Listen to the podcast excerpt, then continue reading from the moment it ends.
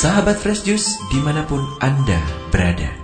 Kita berjumpa kembali dalam Fresh Juice hari ini Selasa 16 Februari 2021 Bacaan dan renungan akan dibawakan oleh Romo Vincentius Dwi Sumarno dari Bandung. Selamat mendengarkan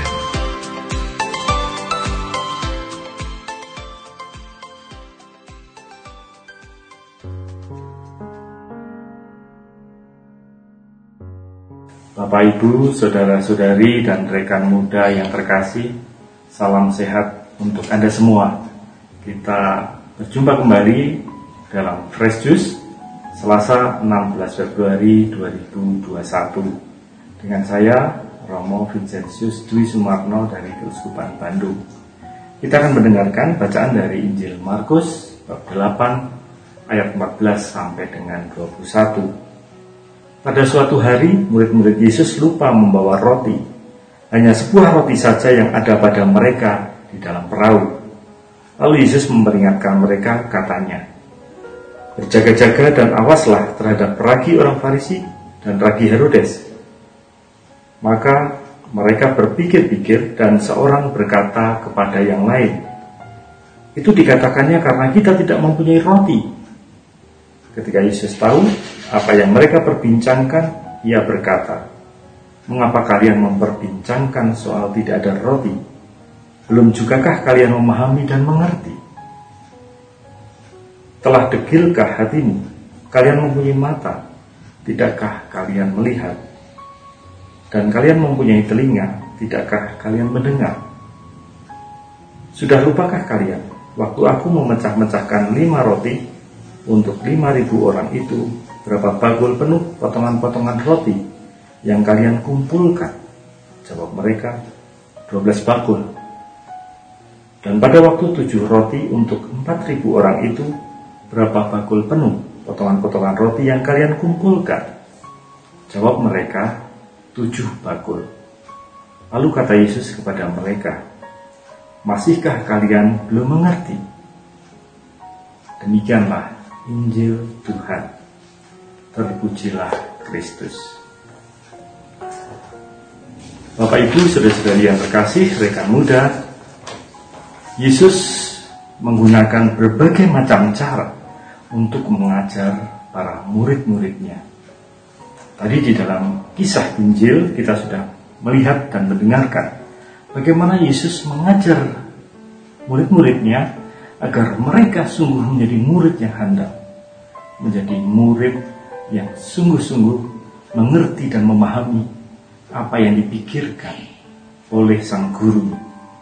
Yesus mengajarkan dengan tiga cara.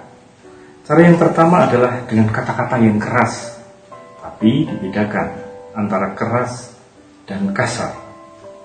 Kata-kata keras yang Yesus sampaikan kepada para muridnya dasarnya bukan karena emosi, bukan karena kebencian, tapi dasarnya adalah keinginan untuk mendidik atau mengajar.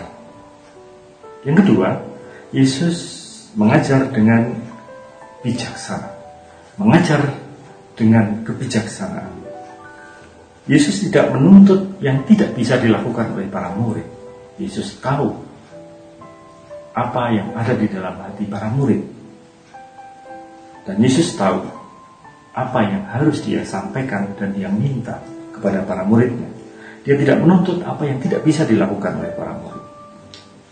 Lalu dengan kata-katanya, Yesus juga mewujudkan kata-kata itu.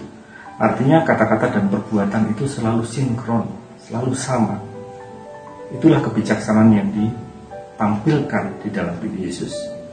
Cara yang ketiga, Yesus mengajar dengan keteladanan. Keteladanan itu adalah contoh hidup, kesaksian. Itu yang dilakukan oleh Yesus. Apa saja yang dilakukan oleh Yesus di dalam keteladanan?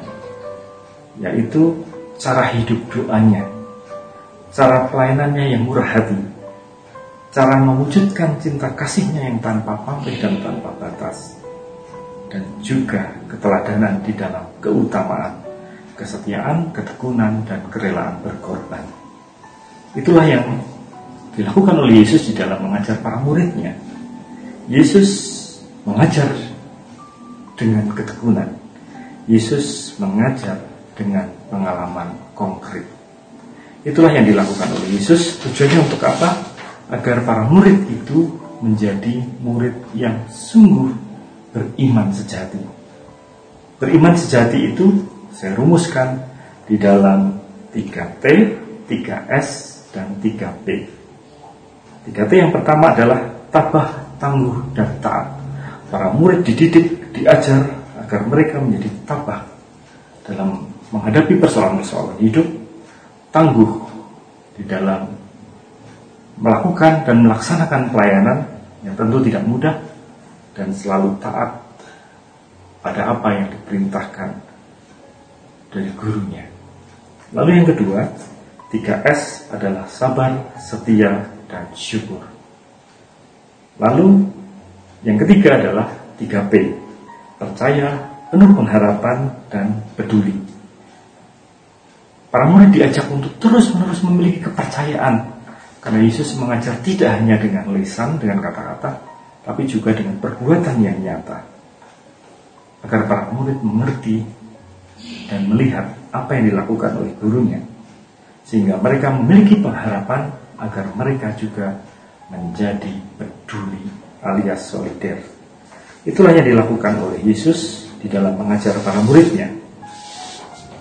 Yesus mengajarkan para muridnya untuk terus-menerus melakukan perbuatan baik, berbuat baik. Ada pepatah mengatakan, siapa yang percaya pada kebaikan Tuhan dan melakukannya, niscaya ia mengalami kebaikan, buah dari ketekunan dan kerja kerasnya. Kita terus-menerus dipanggil untuk menjadi saksi kebaikan, alias menjadi murid. Memang hidup tidak semudah memberikan telapak tangan, kadang harus mengalami perjuangan, sakit, dan penderitaan. Tapi perjuangan kita adalah cara kita minum kebaikan yang kadang rasanya tidak selalu manis, tapi buahnya akan memberi makna rohani bagi hidup kita. Amal yang lahir dari belas kasih mendatangkan sukacita iman. Itulah prinsip dari kebaikan. Santo Thomas Aquinas pernah menuliskan kata-kata ini lebih berguna bagi orang yang melakukannya daripada bagi orang yang menerimanya.